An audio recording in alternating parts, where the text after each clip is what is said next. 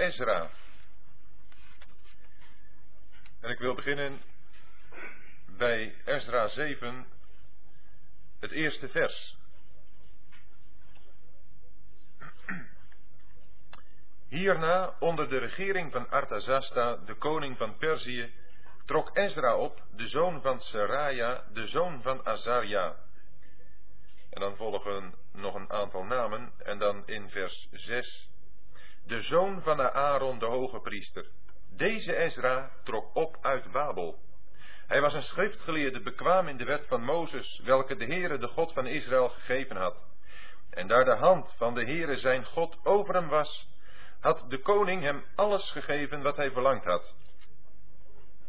Zo trokken ook een aantal Israëlieten en priesters, levieten, zangers, poortwachters en tempelhorigen naar Jeruzalem in het zevende jaar van koning Artazasta. En hij kwam te Jeruzalem in, het, in de vijfde maand en wel in, de in het zevende jaar van de koning. Op de eerste van de maand namelijk was hij de tocht uit Babel begonnen. En op de eerste van de vijfde maand kwam hij te Jeruzalem aan, daar de goede hand van zijn God over hem was. Want Ezra had er zijn hart op gezet om de wet des Heren te onderzoeken en haar te volbrengen, en om in Israël inzetting en verordening te onderwijzen. En dan krijgen we in de volgende versen een brief die hij meekrijgt. En dan lezen we verder in vers 27, waar Ezra een lofprijzing doet. Geprezen zij de Heere, de God onze vaderen, die de koning zulks in het hart gegeven heeft om het huis van de Heere, die in Jeruzalem woont, luisterrijk te maken en mij gunst heeft doen vinden bij de koning, zijn raadsheren en alle machtige vorsten des konings. Ik nu vatte moed, daar de hand van de Heere mijn God over mij was, en vergaderde uit Israël hoofdmannen om met mij op te trekken. En dan volgen ook daar de namen weer van, en lezen we verder in vers 15. Ik vergaderde hen bij de rivier die naar Ahava stroomt, en daar legenden wij ons drie dagen. Toen ik acht gaf op het volk en de priesters, vond ik daar niemand van de levieten. Vers 21. Toen riep ik daar bij de rivier Ahava een vasten uit om ons te verootmoedigen voor onze God en van hem een voorspoedige tocht af te smeken voor ons, onze kinderen en al onze haven want ik had mij geschaamd van de koning een leger en ruiters te vragen om ons te beschermen tegen vijanden onderweg. We hadden namelijk tot de koning gezegd, de hand van onze God is ten goede over allen die hem zoeken, maar zijn macht en zijn toorn zijn tegen allen die hem verlaten. Dus vasten wij en smeekten onze God hierover, en hij liet zich door ons verbidden.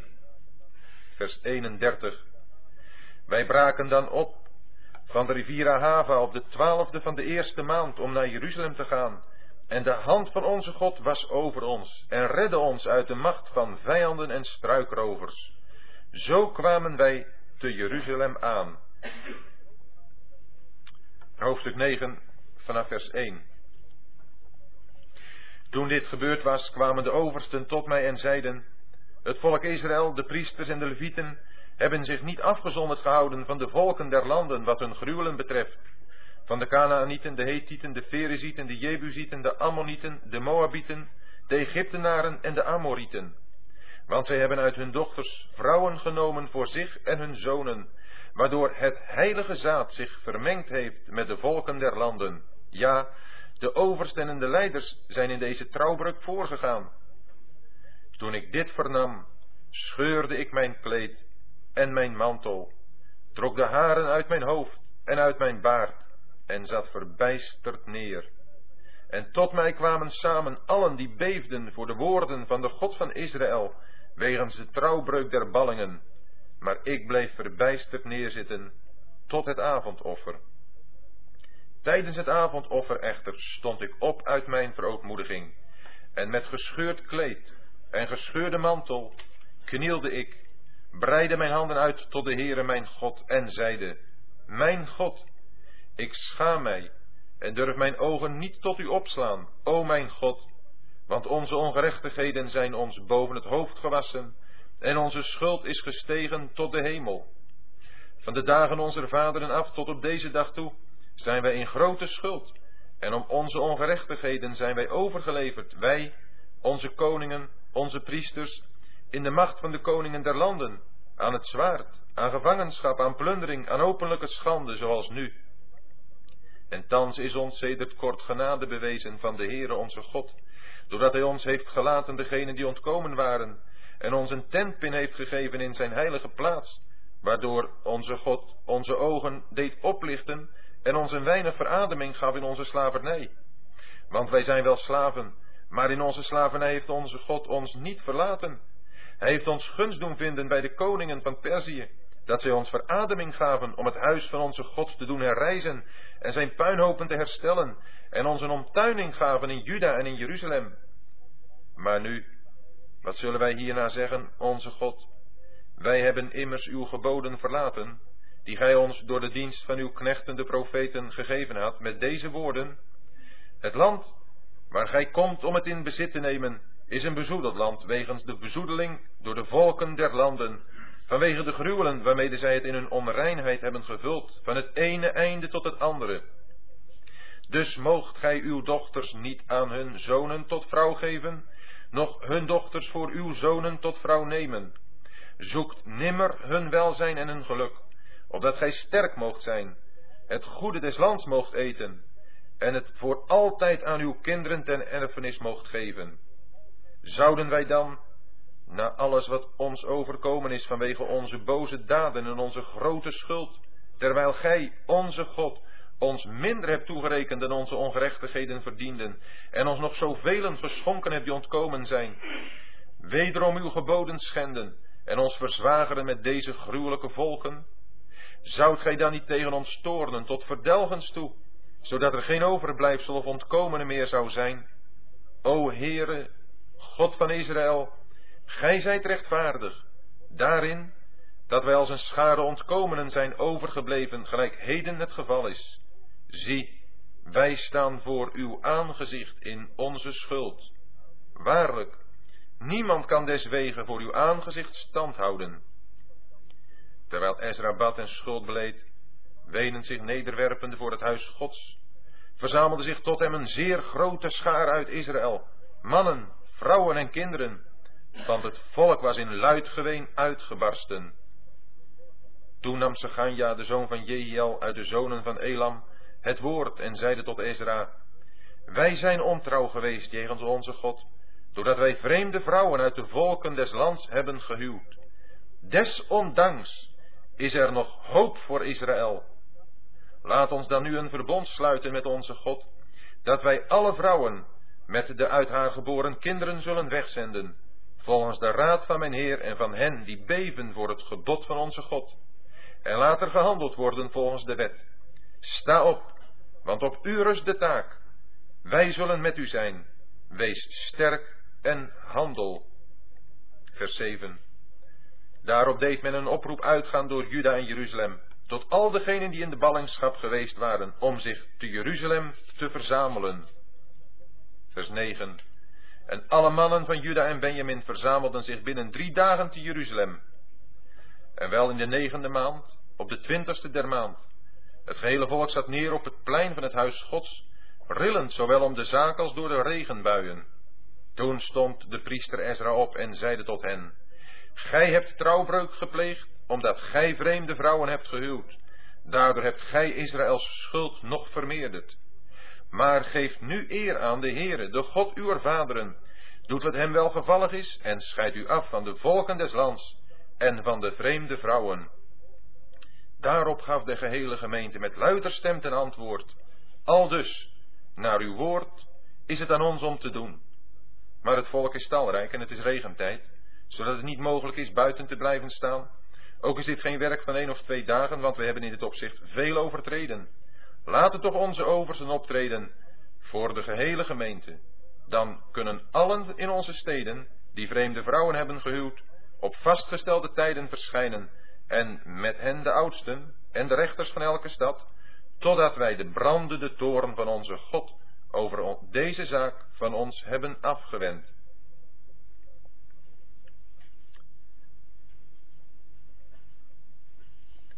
En dan krijgen we weer een aantal namen En in vers 44, het laatste vers, lezen we dan. Deze allen hadden vreemde vrouwen genomen. Hieronder waren vrouwen die zonen hadden voortgebracht. Het is een omvangrijk gedeelte wat we vanavond voor ons hebben. Maar het is ook een op zichzelf staand gedeelte. Ezra 7 tot en met 10. Het behandelt, zoals al gezegd in de inleiding, de geschiedenis van Ezra. Ezra, de man van God, die door God op dit ogenblik naar Jeruzalem wordt toegezonden. We hebben er de vorige malen bij stilgestaan dat het boek Ezra ons de terugkeer uit Babel voorstelt van het volk Israël, maar dan als een klein overblijfsel. Het waren er ongeveer 42.000 die naar Jeruzalem weer teruggingen. En we hebben erbij nagedacht dat zij daar allereerst het offeraltaar, het brandofferaltaar hebben opgericht. En in tweede instantie ook de bouw van de tempel. En daar zijn we de vorige maal mee geëindigd. Die tempel is gebouwd. Maar hier in Ezra 7, waar we lezen in het eerste vers dat het gebeurde onder de regering van Artazasta, zijn we de geschiedenis zo'n 60 jaar verderop. 60 jaar, wel te verstaan, na de inwijding van de tempel. We zouden kunnen zeggen ook 80 jaar na die eerste terugkeer. Want wat we hier vinden bij Ezra is een tweede terugkeer. Niet een terugkeer in de mate van de eerste, van 42.000. Het gaat hier om een ongeveer 5000 personen. Maar God heeft het in zijn genade en barmhartigheid goed gedacht om deze Ezra naar Jeruzalem te laten gaan. En waarom? We hebben dat gelezen in Ezra 9 en 10. Het verval had zijn intrede gedaan. De tijd was verstreken en daarmee ook de energie. Daarmee ook het geweldige van die eerste ontdekking van wat God voor zijn volk had klaargemaakt in Jeruzalem. En wat het volk opnieuw weer had in bezit mogen nemen. Wat zij weer opnieuw hadden mogen aanschouwen. De tempel, het huis van God. Onder Artazasta, de koning van Perzië. Wel, we weten dat de inwijding van de tempel plaatsvond onder Darius. Darius is opgevolgd door zijn zoon Ahasveros, die Ahasveros die we kennen uit het boek Nehemia, die ook met Esther getrouwd is. En deze Artazasta is waarschijnlijk uit dat huwelijk geboren en heeft Ahasveros opgevolgd. Deze Artazasta, die de Joden zeer welgezind was, liet Ezra gaan met een prachtige brief. Maar Ezra op zichzelf is al eens om ons even mee bezig te houden. Een persoon die onze aandacht wel vraagt, ook al in zijn geslachtsregister. Want op twee of op drie namen in dat geslachtsregister zou ik toch even de aandacht willen vestigen. In de eerste plaats in vers 2. Daar vinden we dat hij is de zoon van Zadok. In de tweede plaats in vers 5. De zoon van Pinahas. En ook de zoon van Aaron, de hoge priester. Als we Ezra zijn geslachtsregister bekijken, dan vinden we daar namen in die ons uit de geschiedenis iets te vertellen hebben. Zadok bijvoorbeeld was een man die leefde ten tijde van David, toen David ook op de vlucht moest voor zijn zoon Absalom. En Zadok was een man die trouw bleef aan David. Met deze Zadok worden ze dus voorgesteld trouw. En Pinahas, wie was Pinahas? Pinahas is iemand uit een nog langer verleden. Dat was toen het volk Israël ook hoerij gepleegd had met de dochters van de Moabieten in het boek Numeri. En dat daar zo'n verschrikkelijk kwaad te midden van de legerplaats kwam, waar niemand een hand uitstak, dat een Israëlitische man een Egyptische vrouw had genomen. Maar deze Pinahas, hij doorstak beiden en maakte zo aan de plaag die moest woeden, een plaag als een oordeel van God over die verkeerde verbindingen, een eind. En er wordt gesproken in de schrift over de ijver van Pinaas. Een ijver voor de Here. Zadok, daarin vinden we de trouw. Pinaas, daar vinden we de ijver voor de Here. Wel, we vinden dat terug in Ezra. En dan, als laatste wordt daar genoemd Aaron, de hoge priester. Wel, en dat stelt ons toch in het bijzonder de Heer Jezus zelf voor. Hij die in het Hebreeënbrief genoemd wordt, de hoge priester. Hij is het die met onze zwakheden kan meeleiden. Wel, wanneer wij zo in geestelijke zin afstammen van de hoge priester, de Heer Jezus, die met onze zwakheden kan meeleiden, die weet wat wij nodig hebben in onze weg hier op aarde, dan zullen wij geschikt zijn voor een dienst als die Ezra mocht volbrengen. Ezra was een man waarvan we gelezen hebben in vers 6 dat hij een schriftgeleerde was, bekwaam in de wet van Mozes. Ezra was dus in de eerste plaats priester, maar dat was het door afstamming. Dat was hij doordat hij uit het geslacht van Aaron kwam.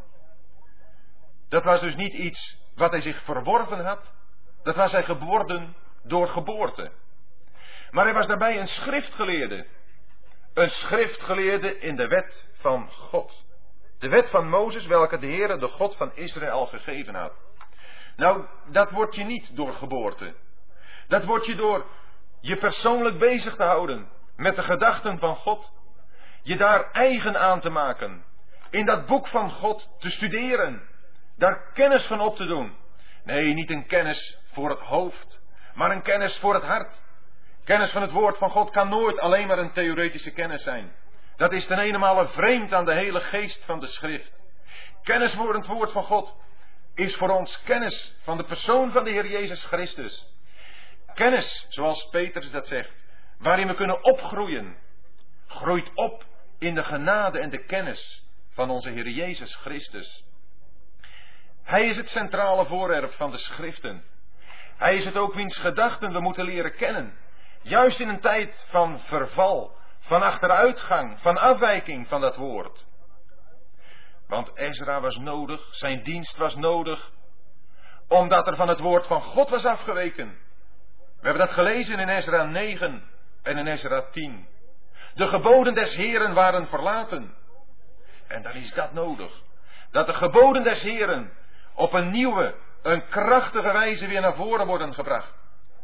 Opdat de handelwijze, de praktijk, in dat licht gezien wordt en daardoor ook wordt veroordeeld.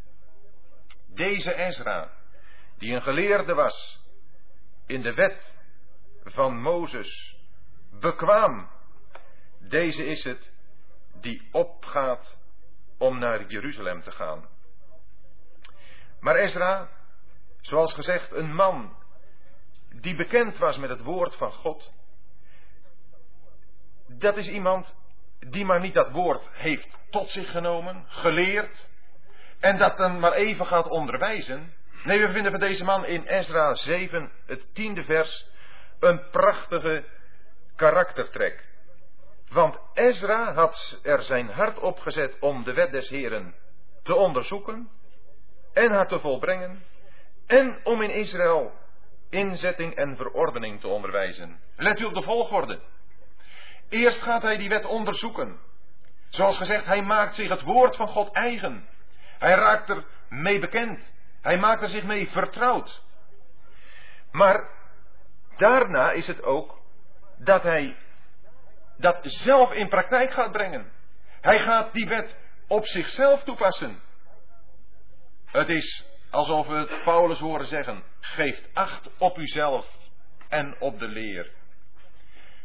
Wanneer wij het woord van God onderzoeken, dan is het van de allereerste belang dat we het in ons eigen leven verwerkelijken. Dan is het van het grootste belang dat we zelf eerst beantwoorden aan dat wat we in het woord van God hebben gevonden. Wat de wet van God, wat de woorden van God inhouden. En dan mag er een verlangen komen om ook anderen daarmee te dienen. Om ook anderen daaruit te onderwijzen. Want in het houden daarvan is het leven.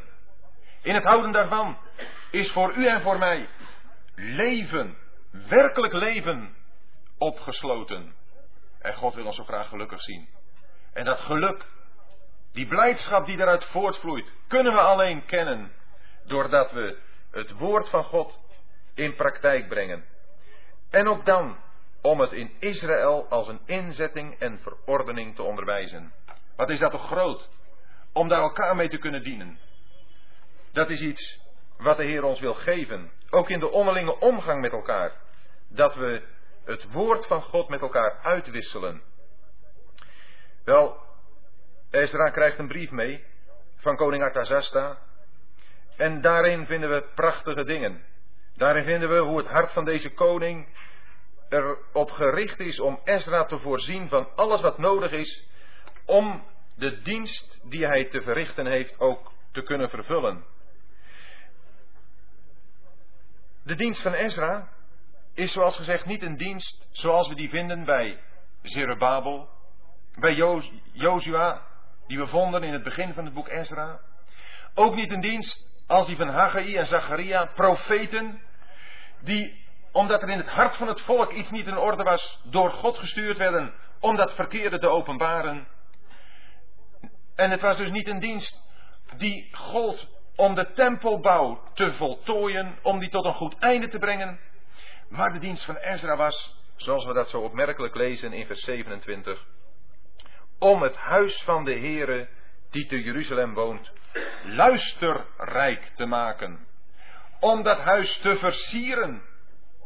Om dat huis maar niet te bouwen, om dat huis gestalte te geven, maar om dat huis ook een uitstraling te laten geven. Een uitstraling allereerst natuurlijk voor het oog van God, maar ook een uitstraling te midden van deze wereld. En we hebben eraan gedacht dat het huis van God in deze tijd de gemeente is.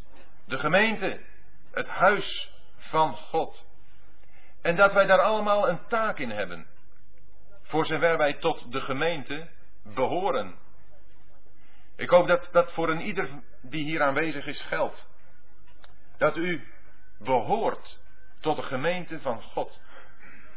Daarvoor is nodig dat er een oprechte bekering komt. Bekering in die zin een omkeren op de weg waarop je gaat, waarop u gaat.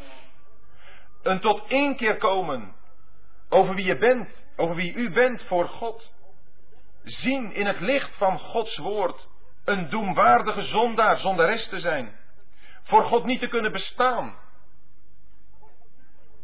Maar dan, wanneer dat zijn uitwerking heeft, ook te kunnen zien dat die God een genadig, een vergevend God is. Dat wanneer wij onze zonden beleiden, Hij getrouw en rechtvaardig is om onze zonden te vergeven.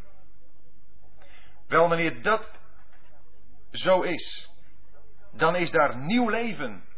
Dan is daar, om in de taal van Petrus te spreken, in plaats van een dode steen, een levende steen gekomen. En die levende steen, die is dan een onderdeel van dat gebouw, van dat huis van God. Wel, dan is daar uiting gegeven aan de bouw van dat huis. Maar nu mag het nog zo zijn dat die levende stenen niet alleen maar weten deel uit te maken van dat huis, maar ook daar een functie, een taak in te hebben. En ik denk dat daar vooral de dienst van Ezra ook op gericht is. Dat huis luisterrijk maken, dat huis in zijn schittering en heerlijkheid tot uiting te laten komen, zowel voor God als ook in deze wereld, dat is een gevolg van het bezig zijn met het woord van God. Dan gaan we ontdekken dat die stenen, die levende stenen, die gelovigen dus, die samen het huis vormen, ook ieder persoonlijk daarin een taak heeft, een opdracht. Daarvoor is door de Heer gave gegeven. De Heer heeft een gave gegeven aan ieder die bij dat huis hoort. Aan ieder die een levende steen is. Aan ieder die een kind van God is, een gelovige. En om elkaar nu daarmee te gaan dienen. Wel, de Efezebrief zegt het. Dat de Heer Jezus aan de gemeente gegeven heeft evangelisten, herders en leraars. En zij zijn er voor de opbouwing van de heiligen, zo staat het daar. Allereerst de apostelen en profeten, zegt Efeze 4 vers 11. Wel, zij hebben het fundament gelegd. Daarop is de gemeente gebouwd. We hebben nu nog een dienst in de geschriften van het Nieuwe Testament. Maar er zijn ook de evangelisten, de herders en de leraars. En zij zijn het die de gelovigen gaan onderwijzen. Evangelisten, ze hebben ook een onderwijzende taak, jazeker. Ze zijn het niet alleen maar die toevoegen aan de gemeente, maar ze zullen ook iemand die ze tot de gemeente hebben mogen voegen, ook bekendmaken met hun plaats in de gemeente. En de herders, zij zijn ervoor om de gelovigen bij elkaar te houden. Zoals een herder de schapen de kudde bij elkaar houdt. Zo heeft ook de Heer Jezus aan zijn gemeente herders gegeven, die er een speciale zorg voor moeten dragen en ook voor willen dragen dat de gemeente, die kudde, bij elkaar blijft. En daar zijn de leraars. Zij die het woord van God willen uitleggen, willen bekendmaken dat zijn gedachten zijn over de gemeente. Over hoe hij die gemeente ziet als die kostbare parel. Hoe hij die gemeente ziet als dat huis van God waarin God wil wonen. Hoe hij die gemeente ziet, ook in zijn praktisch functioneren hier op aarde. Dat is luisterrijk maken. Dat is voor de harten plaatsen wat die gemeente is. Voor Gods hart. En daar hebben we behoefte aan. Ezra, hij had deze opdracht. En Ezra, we lezen dat verschillende malen, wist dat de goede hand van zijn God over hem was. Ik meen dat het zes keer voorkomt in deze vier hoofdstukken. Naar de hand van God over hem. Dat is allereerst belangrijk te weten. Dat wanneer wij een opdracht hebben voor de Heer, u en ik, dat we dan weten dat de goede hand van onze God over ons is. Dat Hij met ons is. Dat Hij met zijn hand ons beschermt. En dat Hij met, ons, met zijn hand ons geleidt. En daardoor vat Hij moed, zegt vers 28 in het midden. Hij vat moed, daar de hand van de Heere mijn God over mij was. En hij vergadert uit Israël hoofdmannen om met hem op te trekken. Ezra neemt anderen mee. Ezra gaat niet alleen. Maar Ezra gaat ook niet onvoorbereid in die zin dat hij daarna ook direct op zijn doel afgaat. Nee, Ezra, wanneer hij al die mensen verzameld heeft, gaat naar de rivier die naar Ahava stroomt. En daar is hij drie dagen. Een soort voorbereiding. Een soort geestelijke voorbereiding op de dienst die hij te verrichten heeft. En dat brengt hem tot de conclusie dat bij de mensen die hij daar bij zich heeft geen levieten zijn. Levieten, dat zijn juist de dienaren. Dienaren die in het huis van God een speciale taak hebben om de priesters te helpen. De levieten, we weten het uit het Oude Testament, zijn gegeven aan de priesters om hen te helpen bij het offeren. En ze hebben daarbij ook allerlei taken te verrichten in het heiligdom. In verbinding met het heiligdom. En daar is niemand van de levieten. Dat is een teleurstellende ontdekking voor Ezra.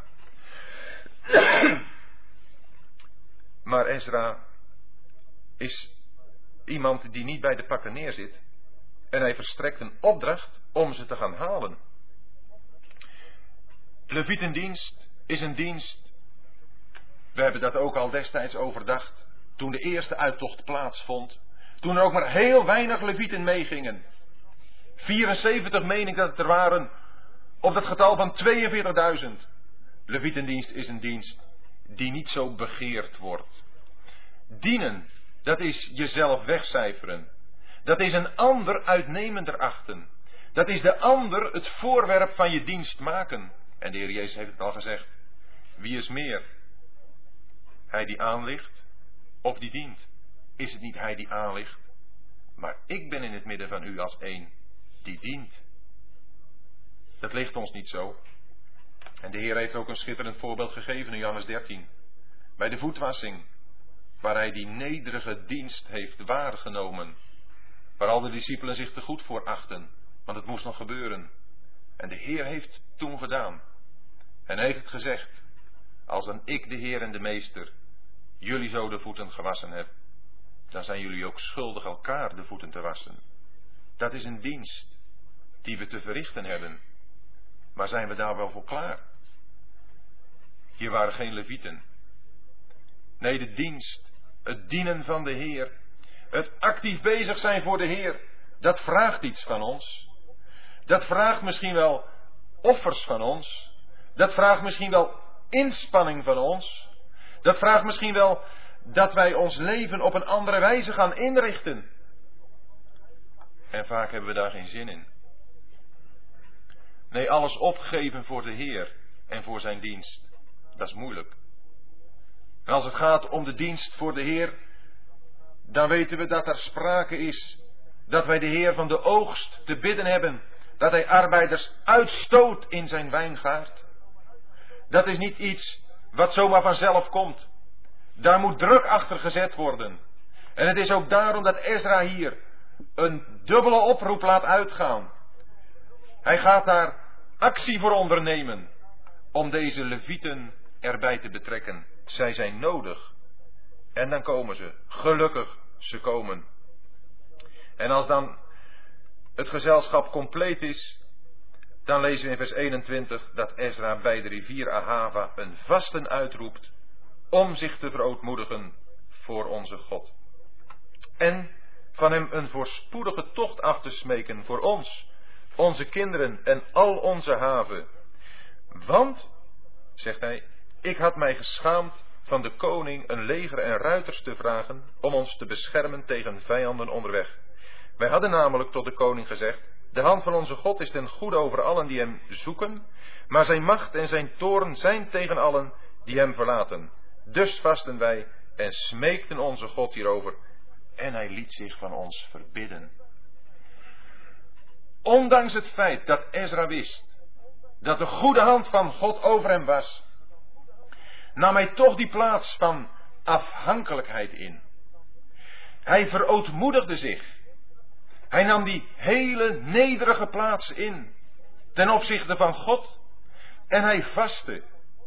Hij zag voor dat ogenblik af van wat het lichaam en de geest zou kunnen beïnvloeden. Om volkomen toegewijd te zijn aan God en het kennen van zijn wil.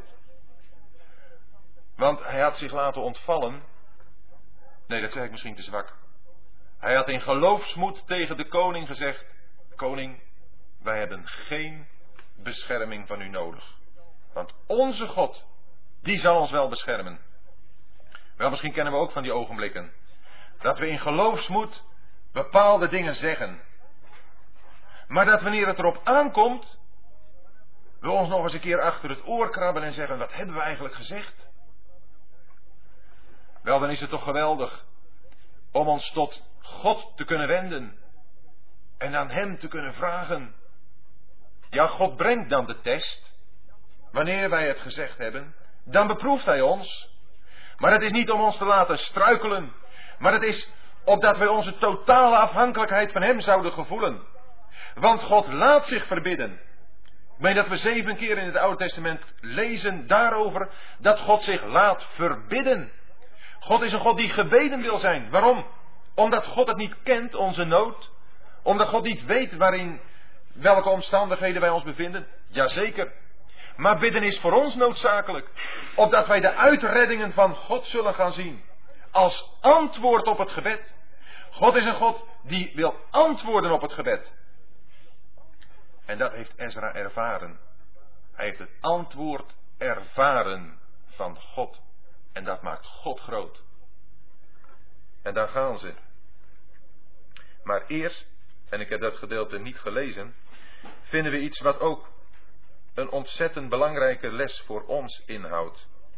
In vers 24 en vers in vers 25 wordt aan een twaalftal mannen zilver en goud afgewogen.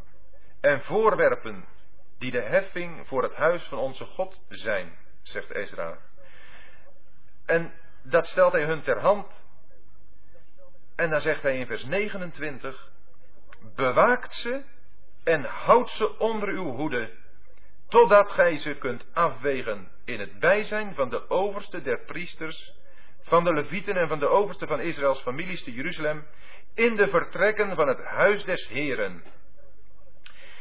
En dan vinden we daar in vers 2, in vers 32 ja, nadat wij daar drie dagen, dus bij de Ahava in Jeruzalem was dat dan al vertoefd hadden, werden op de vierde dag het zilver en het goud en de voorwerpen gewogen in het huis van onze God.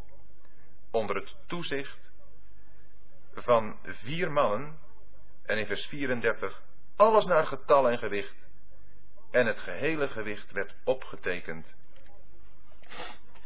Er worden dus zilver en gouden voorwerpen worden er toevertrouwd aan een twaalftal mannen. En Ezra geeft hun de opdracht, en met daarbij nog andere voorwerpen, in vers 29, bewaakt ze en houdt ze onder uw hoede, totdat jullie gekomen zijn en ze kunnen afleveren in de vertrekken van het huis des Heren. En het is een opdracht voor ons. Ook ons is iets toevertrouwd. Ons zijn geestelijke goederen toevertrouwd. En er wordt het ons gezegd, bewaakt ze en bewaart ze, totdat je ze kunt afwegen in de vertrekken van het huis des Heren. Want inderdaad, er komt voor ons ook een ogenblik, wat hier genoemd wordt de vierde dag. De vierde dag waarop de zon en de maan en de sterren geschapen zijn. Waar dus alles in het ware licht gezien wordt. Lichten zijn dat.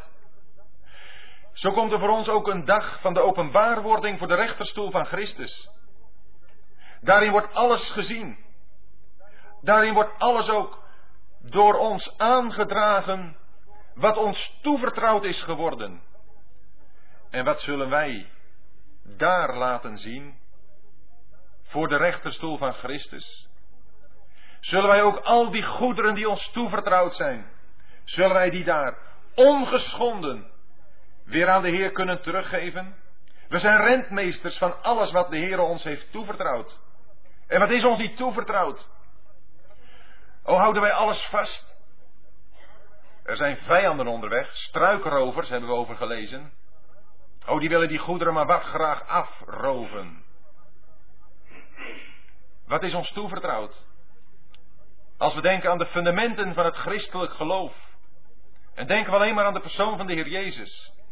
Houden we nog vast aan zijn maagdelijke geboorte? Houden we nog vast aan zijn lichamelijke opstanding? Houden we nog vast aan zijn terugkeer? Houden we nog vast aan zijn verzoenend werk op het kruis? Houden we nog vast aan het feit dat hij, die heerlijke persoon, God en mens is, in één persoon? Houden we vast aan alles wat ons geschonken is, op grond van zijn werk op het kruis? Hoeveel is daarvan niet verloren gegaan? Houden we nog vast aan de zekerheid van het geloof? Hoeveel is daar niet van verloren gegaan? Door verkeerde prediking. De waarheid van de schrift. Al de schatten van Gods hart in verbinding met de Heer Jezus. Ze zijn ons toevertrouwd. Ja, u en mij persoonlijk. Maar ook de christenheid in zijn geheel. En wat is er van gekomen? We weten hoeveel er van verloren is gegaan. Nee, niet dat het woord van God enigszins aan waarde heeft ingeboet. Oh nee. Maar houden wij het nog vast? Bewaken wij het tegen de aanvallen van de struikrovers en van de vijanden? Bewaren wij het? Paulus zegt tegen Timotheus: O Timotheus, bewaar het je toevertrouwde pand door de Heilige Geest die in je woont. En zelf kon hij zeggen: Ik heb de goede strijd gestreden. Ik heb het geloof behouden. Voorts is voor mij weggelegd de kroon der gerechtigheid, die de Heer zal geven op de dag van zijn verschijning. En niet alleen aan mij, maar ook allen die zijn verschijning liefhebben. Zo wil Hij ons zien hier op aarde. Dat wij het ons toevertrouwde pand bewaren. Dat wat we ontvangen hebben, wat we gezien hebben in het woord van God. Oh, en daar kan Hij meer bij geven. Daar geeft Hij meer bij. Naarmate we meer gaan onderzoeken in dat kostbare woord, wordt ons meer toevertrouwd. Maar houden we het vast. Opdat we het in de vertrekken van het huis des Heren kunnen overdragen. Hier hebt u het. Maar ook hier op aarde al. Ze gaan naar Jeruzalem. Houden we het vast in verbinding met de plaats waar de Heer Jezus in het midden is. Waar God zijn naam heeft willen doen wonen. Waar de Heer Jezus wil zijn te midden van de twee of de drie die tot zijn naam vergaderd zijn. waar iets van het huis van God in de praktijk gevonden wordt, wegen we het daar af. Wegen we het daar telkens weer af. Of we het nog allemaal hebben, of we het nog bezitten. Het is ons toevertrouwd. Geef de Heer ons genade daarvoor om trouw te zijn in dat wat we gekregen hebben. En ook bij dit overblijfsel, dit tweede overblijfsel vinden we in vers 35 hoe zij een offer brengen. Een offer van twaalf stieren voor geheel Israël. En ook twaalf bokken ten zondoffer. Ook dit tweede overblijfsel wist zich één met het gehele volk van God. Wist zich door het werk van de Heer Jezus verbonden met allen die een even kostbaar geloof als zij verkregen hadden. En zij hebben die offers gebracht. Alles als een brandoffer voor de Heeren. En zo zijn ze teruggekomen. Ezra en die plusminus 5000 mensen bij hem. Wat zal hun hart uitgegaan zijn naar die plaats, Jeruzalem. Wat zullen ze eruit gezien hebben. Ze zullen in Babel, stel ik me zo voor, erover gelezen hebben. En ze zullen zich een voorstelling gemaakt hebben, naar aanleiding van de verhalen die ze gehoord hebben over die eerste uittocht. En dat daar een brandofferaltaar is opgericht. En dat daar een tempel is gebouwd. En zij zijn daar ook naartoe gegaan. Met harten voorbereid om op de plaats te willen zijn die de Heere verkoren had om zijn naam daar te doen wonen. Jeruzalem. En daar in het middelpunt van zijn huis, de tempel. En wat vinden ze daar? Wat moet dit een ontgoocheling geweest zijn voor Ezra en de zijnen? Dat wanneer ze daar maar een dag of vier zijn, er oversten tot hem komen die zeggen dat het volk en de priesters gezondigd hebben, zich niet afgezonderd hebben gehouden van de volken des lands. Er is een vermenging gekomen van het heilige zaad met de volken des lands. En we kunnen dat misschien in onze eigen levens terugvinden. Wanneer we op zoek zijn gegaan naar de plaats die de Heere wilde hebben, om zijn naam daar te wonen. Naar de plaats die we in het woord van God hebben gevonden. En dat we kwamen daar op die plaats. En dat we zagen. Nee, het is niet meer wat het behoorde te zijn. In het woord van God hebben we gelezen hoe het daar hoort te zijn. Maar wat zien we daar? Daar zien we verval. Daar zien we afval. Daar zien we lauwheid, laksheid. Oh, en als Ezra en de zijnen niet op de basis van het, van het woord van God stonden. Ik denk dat ze rechtsomkeerd gemaakt hadden en naar Babel waren teruggekeerd. Ja, in Babel waren waarschijnlijk meer toegewijde harten aan de Here dan op dit ogenblik hier in Jeruzalem. Jeruzalem, waar de tegenwoordigheid van God verkeerd kon worden, maar waar zulk een verschrikkelijk kwaad nu gevonden werd. En dan zien we hoe Ezra zich opstelt. Toen ik dit vernam, scheurde ik mijn kleed en mijn mantel. En trok de haren uit mijn hoofd en uit mijn baard. En zat verbijsterd neer. En tot mij kwamen samen allen die beefden voor de woorden van de God van Israël. Wegens de trouwbreuk der ballingen. Maar ik bleef verbijsterd neerzitten tot het avondoffer. Tijdens het avondoffer echter stond ik op uit mijn verootmoediging. Ezra, Ezra ontsteekt niet in woede. En Ezra zwaait niet met het woord van God.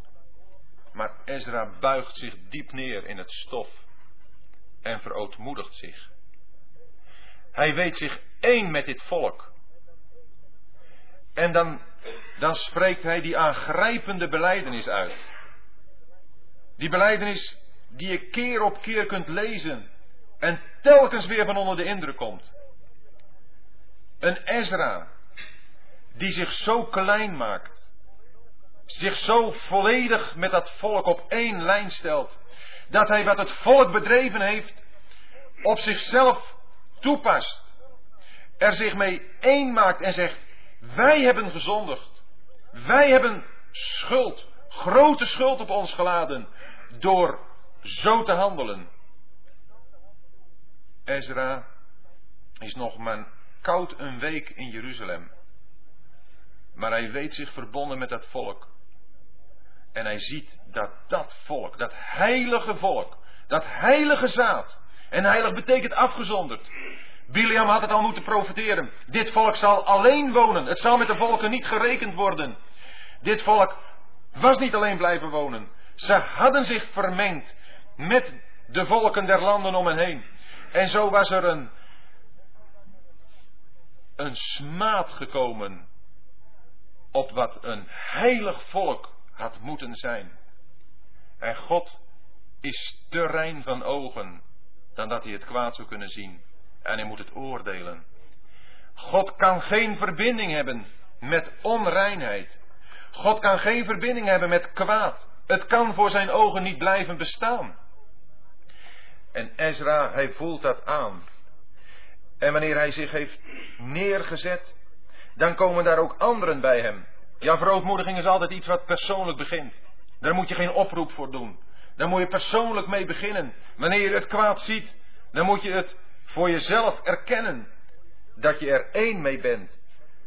En dan komen anderen bij hem die beefden voor de woorden van de God van Israël. Een prachtig woord. Beven voor de woorden van de God van Israël. Ja, zegt Jezaja 66 dat God woont bij de zulken. Die beven voor mijn woord. Daar wil hij bij zijn. Zij die beven voor dat woord. En Ezra, hij blijft verbijsterd neerzitten. Tot het avondoffer. Dat is ook weer zo'n prachtige uitdrukking. Het avondoffer. Dat avondoffer, dat hebben we in Exodus 29 als een onderdeel van het voortdurend brandoffer. Dat brandoffer moest worden gebracht, zowel s morgens als s avonds. Maar het wordt hier toegespitst op het avondoffer. Het brandoffer wat ons spreekt van de Heer Jezus in dat wat Hij voor God heeft gedaan. En wanneer we denken aan Exodus nacht is geworden. Dat het volk Israël in de duisternis van de nacht zich bevindt. Maar dat daar, terwijl het nacht is, toch de lieflijke reuk van dat offer tot God opstijgt. En op dat ogenblik staat Ezra op. Op dat ogenblik begint hij met dat aangrijpende gebed. Dat is het keerpunt. Weet u, het zien op de Heer Jezus als het brandoffer. En het weten dat juist de Heer Jezus als brandoffer de grondslag is voor God om te midden van zijn volk te wonen, dat heft ons op boven de omstandigheden. Dat avondoffer, dat geeft iets heel unieks aan in de schrift. Ik wil u op een paar teksten nog wijzen, waar ook van het avondoffer sprake is. Dat vinden we in Daniel, Daniel 9. Ook zo'n schitterend hoofdstuk van beleidenis en verootmoediging. En dan vinden we dat tijdens het avondoffer Daniel een antwoord krijgt op zijn gebed. En er is destijds hierover gesproken. Hoe Daniel, die de profetieën heeft bestudeerd, daarin heeft gezien dat er 70 jaren zouden voorbijgaan over het volk dat in ballingschap was. En dat op grond daarvan hij gepleit heeft bij God. En dat daarom op de tijd van het avondoffer God een engel stuurt om Daniel antwoord te geven. Daniel, wat jij gebeden hebt, dat zal gebeuren. En dan krijgen we die schitterende profetie in het vervolg van Daniel 9. Hoe daar eenmaal weer een herstel zal zijn van de heilige stad Jeruzalem. Oh, daar spreekt het over de verre toekomst. Maar het is ook al van toepassing hier. En we lezen nog een keer van het avondoffer. Dat is ten tijde van Elia, wanneer hij op de karmel staat. Wanneer daar gekozen moet worden door dat volk waarvan hij zegt, jullie hinken op twee gedachten. Wie is de Heere? En de Baalspriesters de hele dag geprobeerd hebben om hun God Baal tot een antwoord uit te lokken, om door vuur te antwoorden en het offer te verteren. Maar het is op het tijd van het avondoffer dat Elia zijn gebed doet en dat God antwoordt door vuur. En dan het gejuich losbarst. De Heere die is God. De Heere die is God. Het is op deze tijd, de tijd van het avondoffer, het negende uur, dat Cornelius in Handelingen 11 of in Handelingen 10 het antwoord krijgt op zijn gebed, zijn gebeden, zijn aalmoezen, zijn gedachten geworden voor God. En het is op grond daarvan dat Cornelius als eerste heiden, en daarmee een eersteling uit de heiden, en daarmee ook de opening voor de heidenen tot de invoering binnen het heil, of tot het uitstralen van het heil naar de heidenen, het antwoord krijgt op zijn gebeden en zijn aalmoezen. Het negende uur. En dat negende uur, dat is het uur waarop de Heer Jezus het zei, mijn God, mijn God, waarom hebt u mij verlaten? Dat is een hele speciale uitdrukking tijdens het avondoffer. De diepte daarvan kunnen we niet genoeg onderkennen. De uitwerking daarvan kunnen we in enkele schriftplaatsen zien. Zoals bij een Elia, waar het volk teruggebracht wordt, zij het een uiterlijk, waar het volk teruggebracht wordt tot de Heer. Waar Daniel zijn antwoord krijgt en er een ommekeer komt in de geschiedenis van het volk Israël. Waar een Cornelius zijn antwoord krijgt en het heil uitgaat naar de volkeren. Het evangelie zich verbreidt tot de einden van het aardrijk en de gemeente gebouwd wordt. En hier deze Ezra, die tijdens het avondoffer opstaat en dan dit gebed tot God doet. En telkens, telkens weer spreekt over de schuld die zij op zich hebben geladen. Hoe God ook in zijn enorme genade telkens weer bewezen had dat hij zijn volk niet aan de volkomen vernietiging heeft prijsgegeven. Telkens een overblijfsel daaruit heeft willen bevrijden. Uit wat hij als een oordeel over hen heeft moeten laten komen. En dan, dan lezen we dat in vers 1 van hoofdstuk 10. Terwijl Ezra bidt en schuldbeleid, er een grote schare uit Israël zich tot hem verzamelt. Want weet u, verootmoediging is een begin. Maar er moet wel iets volgen. Als Jozua op zijn aangezicht ligt, in het boek Jozua, wanneer ze verslagen zijn voor Ai, dan zegt God tegen hem, Jozua, wat lig je daar? Je moet opstaan. Kijk, we moeten niet op ons aangezicht blijven liggen. Er moet ook gehandeld worden. Als het kwaad duidelijk is, dan hebben we ons te verootmoedigen. Maar daarna moet er wel mee gehandeld worden. En dat is ook van het grootste belang voor de tijd waarin we nu leven. De tucht in het huis van God moet zijn uitwerking hebben. Kwaad wat duidelijk geworden is, openbaar is, dat moet worden weggedaan.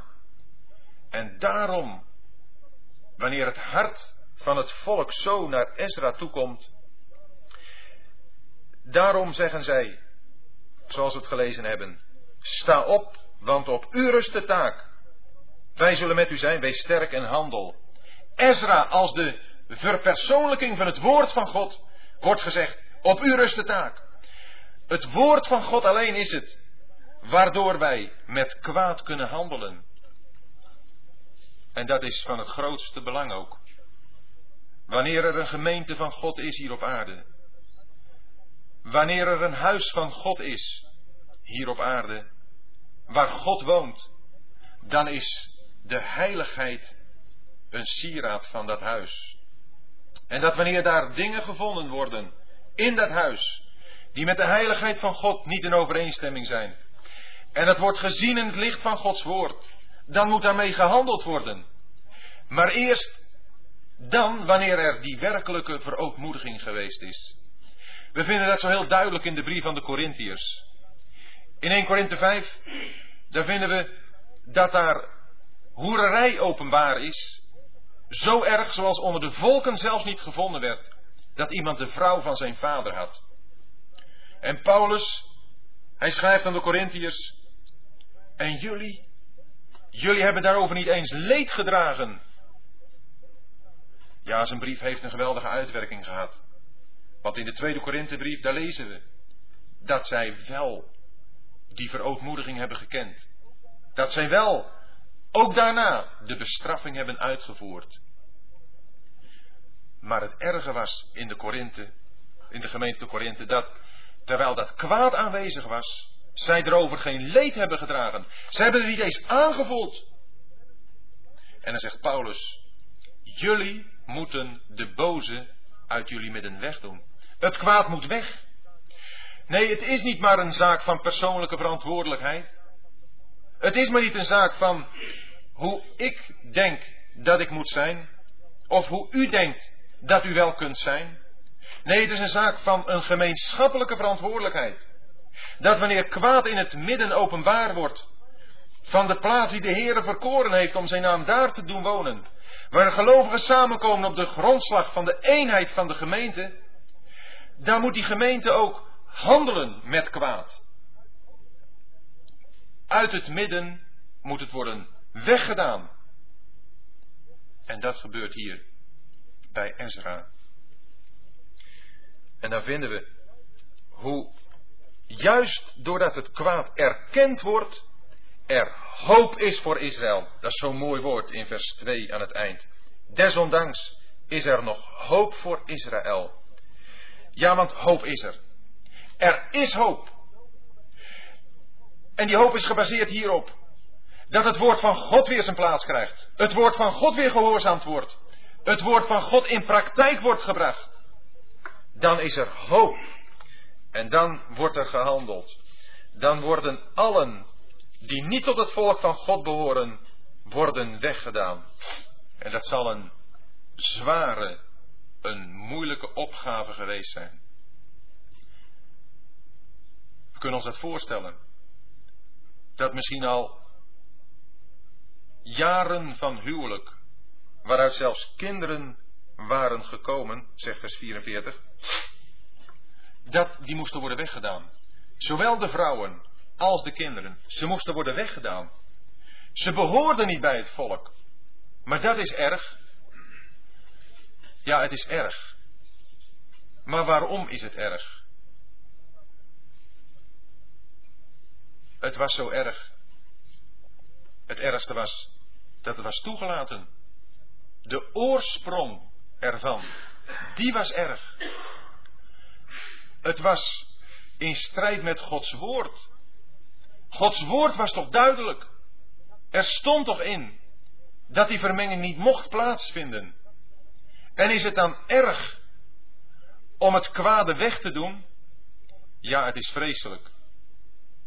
Maar het is helaas ook de ondervinding van zoveel hier, misschien, ook van mezelf, dat het gemakkelijker is een kwaad te bedrijven en daar misschien ook nog een tijd in voort te gaan, dan dat kwaad te oordelen, radicaal weg te doen.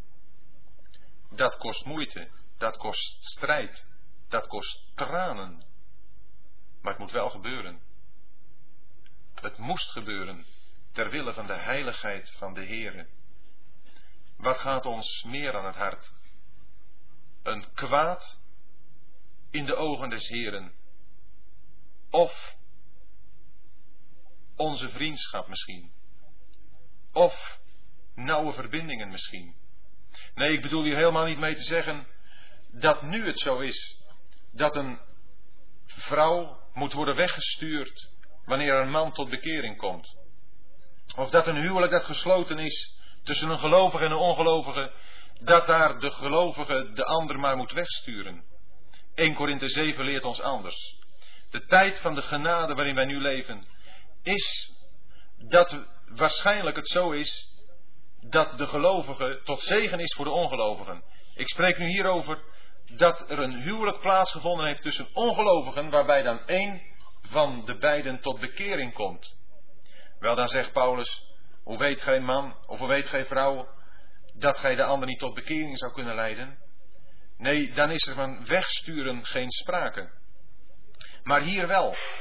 Hier was het duidelijke gebod van God. Er moest er gehandeld worden. Er moest worden weggedaan. En Ezra zegt het dan ook in vers 10. Gij hebt trouwbreuk gebleegd, omdat gij vreemde vrouwen hebt geduld. Daardoor hebt gij Israëls schuld nog vermeerderd. Was in hoofdstuk 9, wij, wij, wij hebben gezondigd, schuld op ons geladen. Hier is het, gij hebt het gedaan. Het kwaad moest duidelijk worden voor de harten en gewetens van hen die het betrof. En dan is er inderdaad de bereidwilligheid om het kwaad weg te doen. Nee, niet op één keer. Er is tijd voor nodig. Als iets, een kwaad al zo lang bestaat, al zo sluipend is binnengekomen, dan is het vaak heel moeilijk om dat kwaad ook in ene keer weer de deur uit te werken. Maar wat we hier vinden, dat is dat het de bereidheid van het hart is. En dat ziet de Heer aan. De bereidheid van het hart om te breken met het kwaad. Om de tucht die nodig is ook werkelijk uit te oefenen. Ja, er zijn er wel een paar, zegt vers 15, die, er zich, hebben, die zich daartegen hebben verzet. Maar gelukkig, zij krijgen geen gehoor bij de meerderheid. Er worden duidelijke afzonderingen worden er gedaan. En dan zegt vers 18, en onder de priesters, onder de priesterzonen die vreemde vrouwen hadden gehuwd, bevonden zich de zonen van Jeshua, de zoon van Jozedak en zijn broeders, Maasea, Eliezer, Jarib en Gedalia. En zij gaven er hun hand op dat zij hun vrouwen zouden wegzenden. En hun schuldoffer nu was een ram uit de kudde vanwege hun schuld. U ziet dat we hier vinden dat het de zonen van Jeshua zijn. Hij die ook in de eerste opwekking zo'n belangrijke rol had gespeeld, door God gebruikt was. En van zijn zonen zijn er al die zich met deze vreemde volken hebben ingelaten en daardoor die vermenging hebben meebewerkt. Nee, genade is geen erfgoed. Maar het is daarom ook dat er een schuldoffer gebracht wordt. Een schuldoffer. En Leviticus 5 aan het eind en het begin van Leviticus 6 maken ons duidelijk wat het schuldoffer is. Het schuldoffer moest gebracht worden wanneer er niet alleen maar een zonde was gebeurd, een zonde, een kwaad voor God, een daad van onafhankelijkheid tegenover Hem, maar wanneer daar ook een positieve schuld op ons is gekomen, waardoor wij verplicht zijn niet alleen maar die schuld te erkennen, maar ook goed te maken wat wij misdreven hebben. En dat moet dan altijd met meer gebeuren dan wat wij verkeerd gedaan hebben. Het schuldoffer, daar moest 20% aan toegevoegd worden. Wel volmaakt vinden we het bij de Heer Jezus. Hij is natuurlijk het volmaakte schuldoffer. Nee, niet dat hij iets verkeerds gedaan had. Van hem lezen we het. Wat ik niet geroofd heb, moet ik toch teruggeven.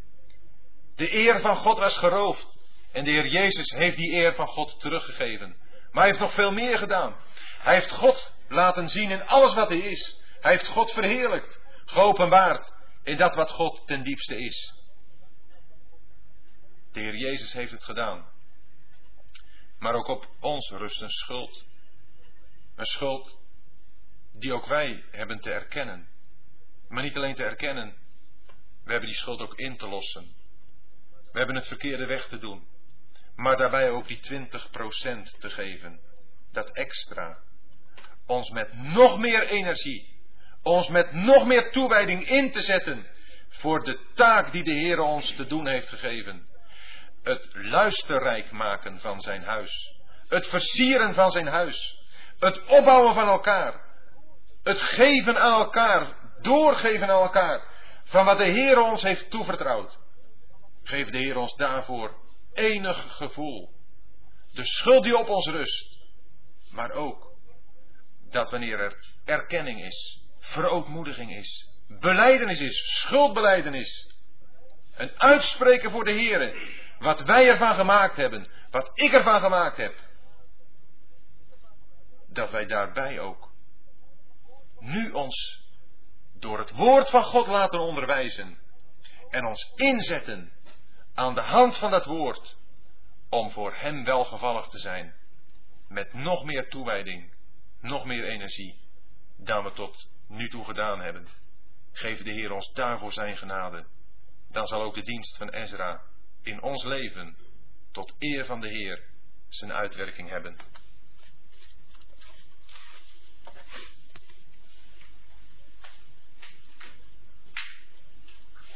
En die vraag die luidt, hoe kunnen we het lichaam onderscheiden?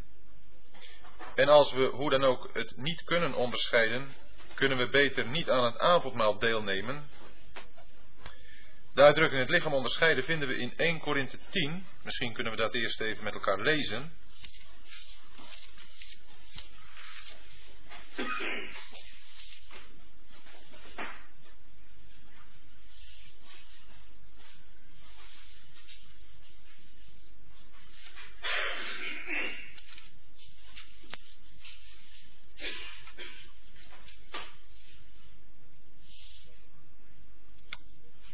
Staat 1 Korinthe 10 op een briefje, maar het is 1 Korinthe 11. 1 Korinthe 11, vers 29.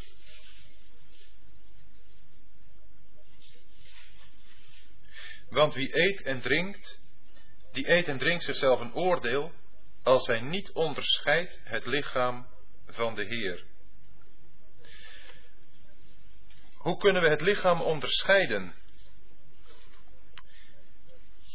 Wel, in dit vers wat we hier voor ons hebben in 1 Korinthe 11, gaat het daarom dat deze Corinthiërs op een bepaalde plaats samenkwamen. We lezen dat in vers 20 van 1 Korinthe 11. Wanneer gij nu op één plaats samenkomt, is dat niet zeer een avondmaal eten.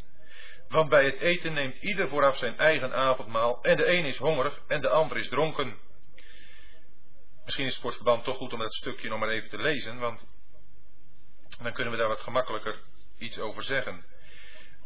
Vers 22. Hebt gij dan geen huizen om te eten en te drinken? Of veracht gij de gemeente van God en beschaamt gij hen die niets hebben? Wat zal ik u zeggen? Zal ik u prijzen? Hierin prijs ik u niet. Want ik heb van de Heer ontvangen wat ik u ook overgegeven heb, dat de Heer Jezus in de nacht waarin hij overgeleverd werd, brood nam. En nadat hij gedankt had, brak hij het en zei, dit is mijn lichaam dat voor u is. Doet dit tot mijn gedachtenis. Evenzo ook de drinkbeker na de maaltijd. En hij zei, deze drinkbeker is het nieuwe verbond in mijn bloed. Doet dit, zo dikwijls gij die drinkt, tot mijn gedachtenis. Want zo dikwijls gij dit brood eet en de drinkbeker drinkt, verkondigt gij de dood van de Heer totdat hij komt. Daarom wie op een onwaardige wijze het brood eet of de drinkbeker van de Heer drinkt, zal schuldig zijn aan het lichaam en het bloed van de Heer. Maar laten een ieder zichzelf beproeven en zo eten van het brood en drinken van de drinkbeker.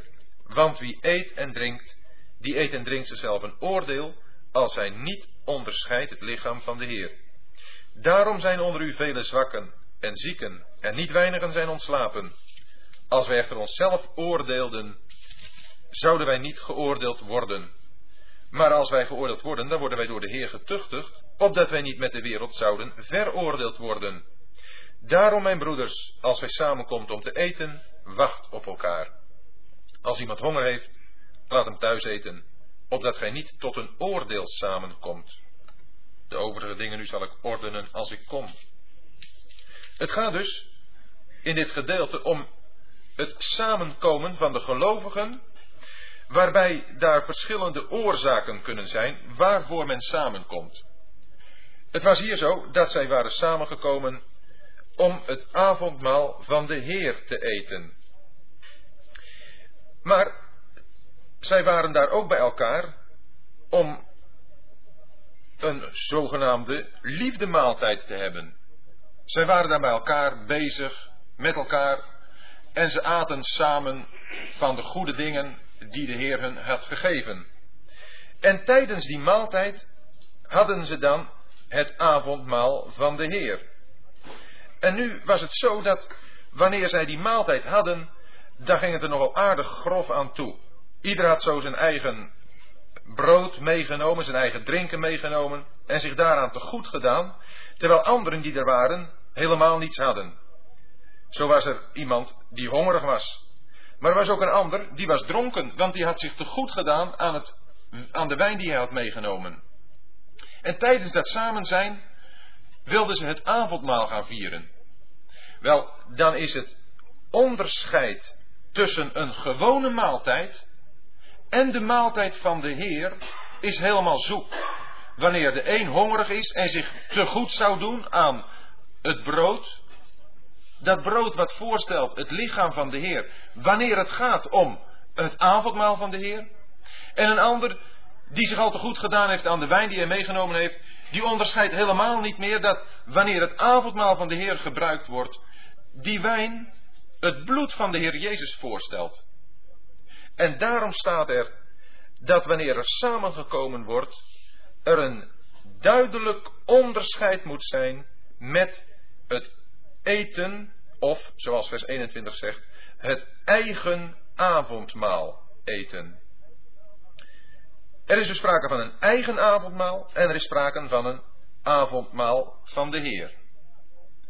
En wanneer die twee nu niet uit elkaar gehouden worden, omdat zoals gezegd die gelovigen daar bij elkaar kwamen en ieder zijn eigen avondmaal at, daarna of tijdens dat samen zijn men ook het avondmaal van de Heer ging gebruiken, dan waren er zulke wantoestanden dat men helemaal geen oog had voor het unieke van het avondmaal van de Heer.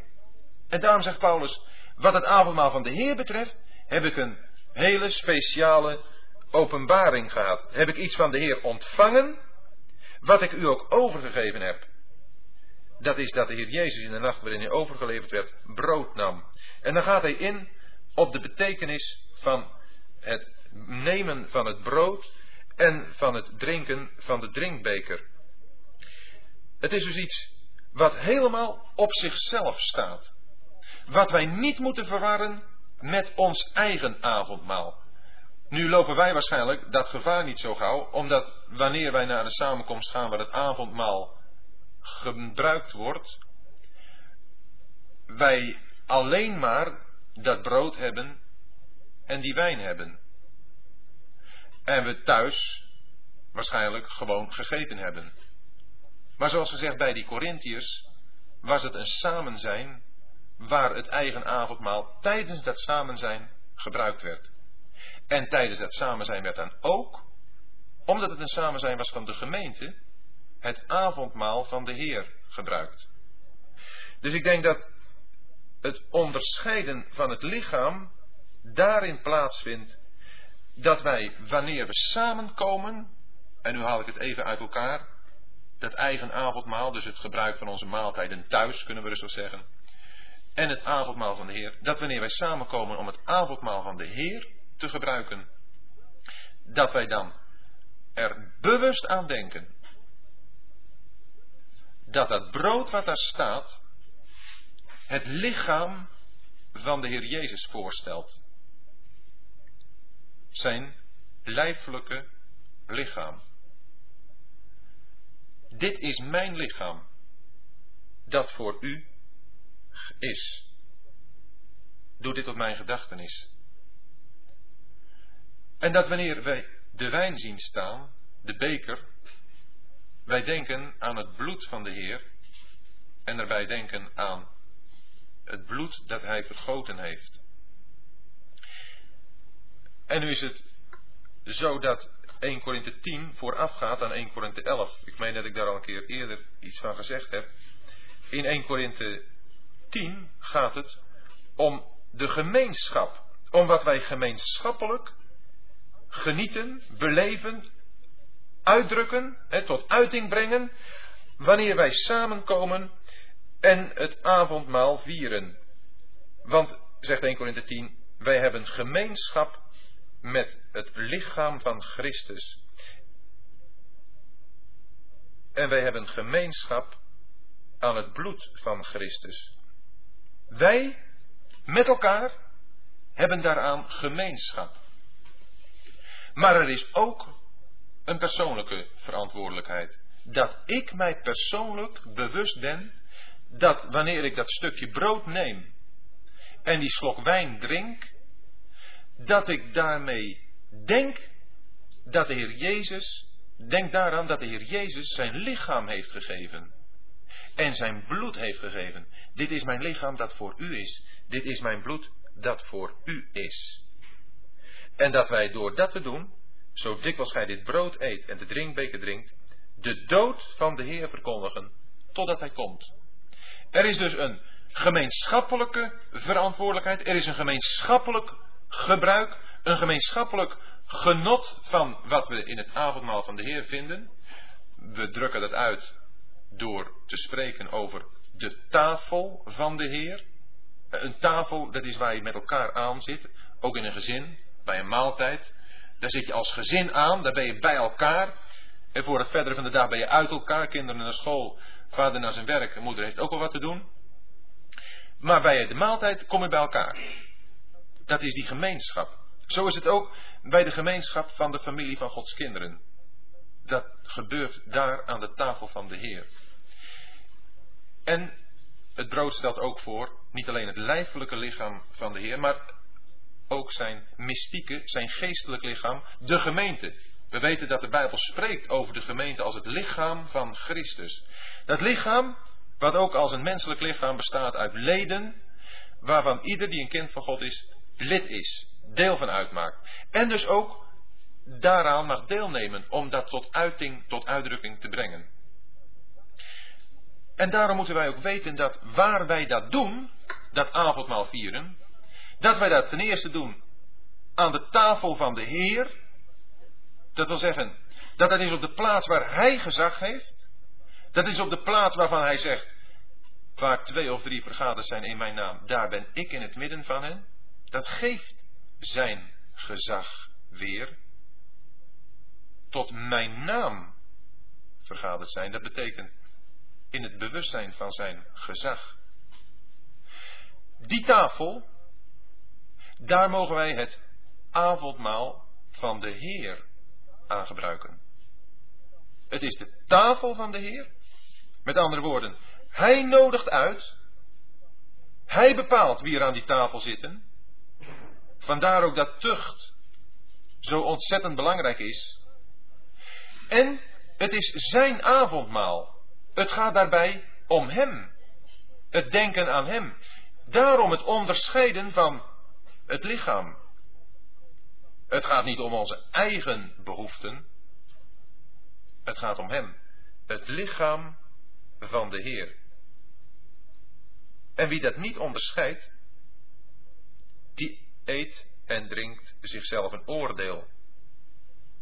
Want we kunnen niet met deze heilige symbolen zomaar straffeloos handelen alsof het iets gewoons is. Gewoon brood, gewone wijn. Op zichzelf is het natuurlijk zo.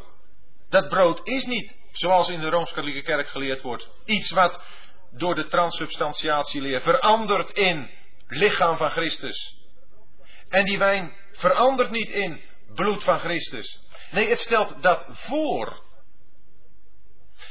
Het beeld is wel gebruikt dat ik een foto heb van iemand van wie ik veel hou. Mijn vrouw. Daar heb ik een foto van. Dan is dat niet mijn vrouw, maar ze zij stelt het voor. Maar het is me ook wel zoveel waard dat iemand die daar bijvoorbeeld op zou spuwen, daarmee tot uiting geeft verachtelijk over mijn vrouw te denken. En zo is het ook met het avondmaal van de Heer. Het is gewoon brood. Het is gewone wijn. Maar het is aan de eigenlijke betekenis onttrokken als dienend tot bevrediging van onze natuurlijke behoeften. En heeft een hele eigen betekenis binnen het verband waarbinnen het nu gebruikt wordt. Allen die daarmee bezig zijn, die daar rondom samenkomen, behoren zich dat bewust te zijn dat dat brood wat daar staat en die wijn die er staat, een voorstelling zijn van het lichaam en van het bloed van de Heer Jezus. En ik denk dat het jongste kind in het geloof daar in elk geval al enig begrip van heeft. En dat de oudste in het geloof zijn ogenblikken heeft dat hij er niet aan denkt. Daar niet bij stilstaat. Gedachteloos misschien deelneemt. Maar het gaat hierom dat wij, wanneer we het gebruiken, ons goed bewust zijn dat het gaat om het lichaam en het bloed van de Heer Jezus. En als we het niet kunnen onderscheiden, kunnen we dan niet beter het, niet aan het avondmaal deelnemen. Ik begrijp hieruit dat het niet gaat om een persoonlijk onderscheiden. Ik denk dat het persoonlijk onderscheiden, hoop ik, voor de meesten van ons wel duidelijk is. Dat wanneer we een kind van God zijn, kunnen we dat persoonlijk onderscheiden. Dus met andere woorden, wanneer we het gebruiken, kunnen we ons echt bewust zijn dat wij daarmee uiting geven aan de wens van de Heer Jezus. Doe dit op mijn gedachtenis. Dit is mijn lichaam. Dat wat hij in zijn lichaam deed aan het kruis. Dit is mijn bloed, waar hij zijn bloed liet vloeien aan het kruis.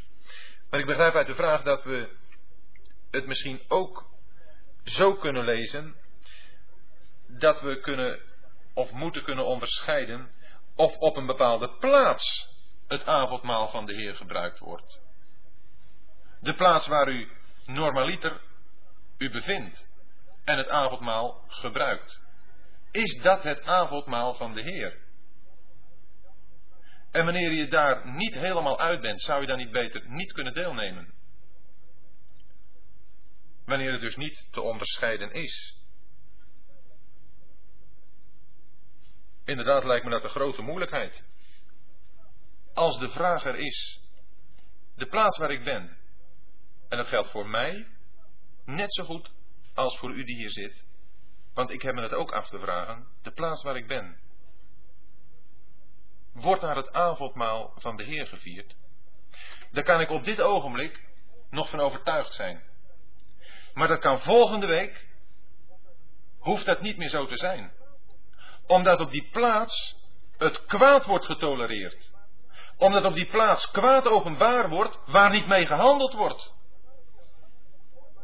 Dan betekent dat dat op het ogenblik dat kwaad openbaar wordt en gewoon getolereerd wordt, geaccepteerd wordt, waar niet mee gehandeld wordt, dat op dat ogenblik het kenmerk van de tafel van de Heer en het avondmaal van de Heer weg zijn. En dan moet ik er ook weg. Dan gaat het er niet om dat ik niet kan deelnemen. Als ik niet kan deelnemen, hoor ik er ook niet. Tenzij dan dat ik op een bepaald ogenblik misschien in mijn eigen leven dingen heb waarvan ik zeg, ik ben nu niet bekwaam.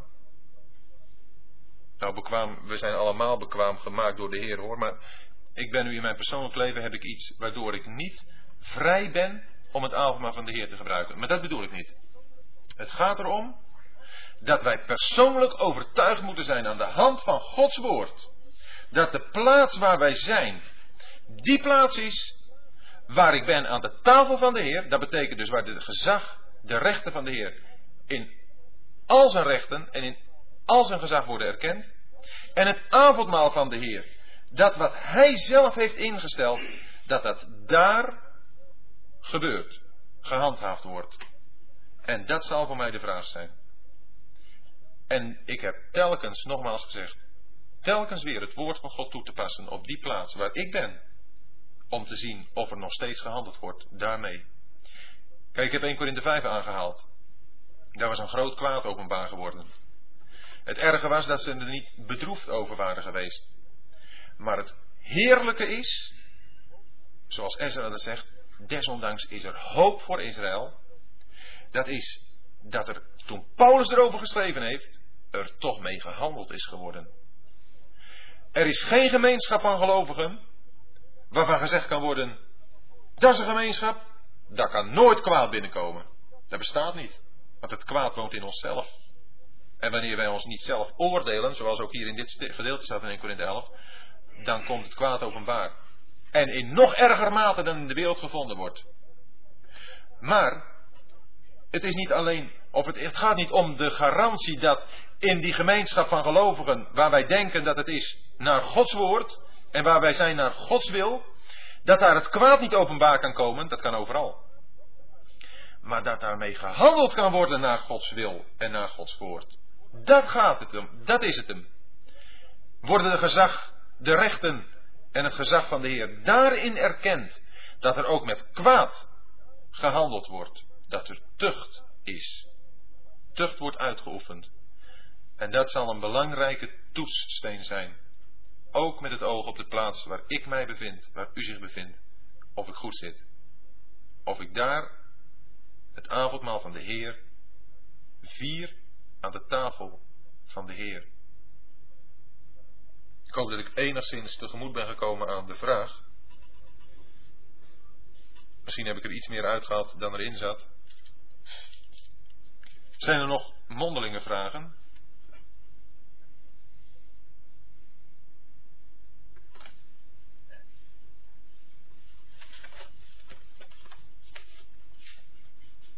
Dan uh, houdt hij hem belaten.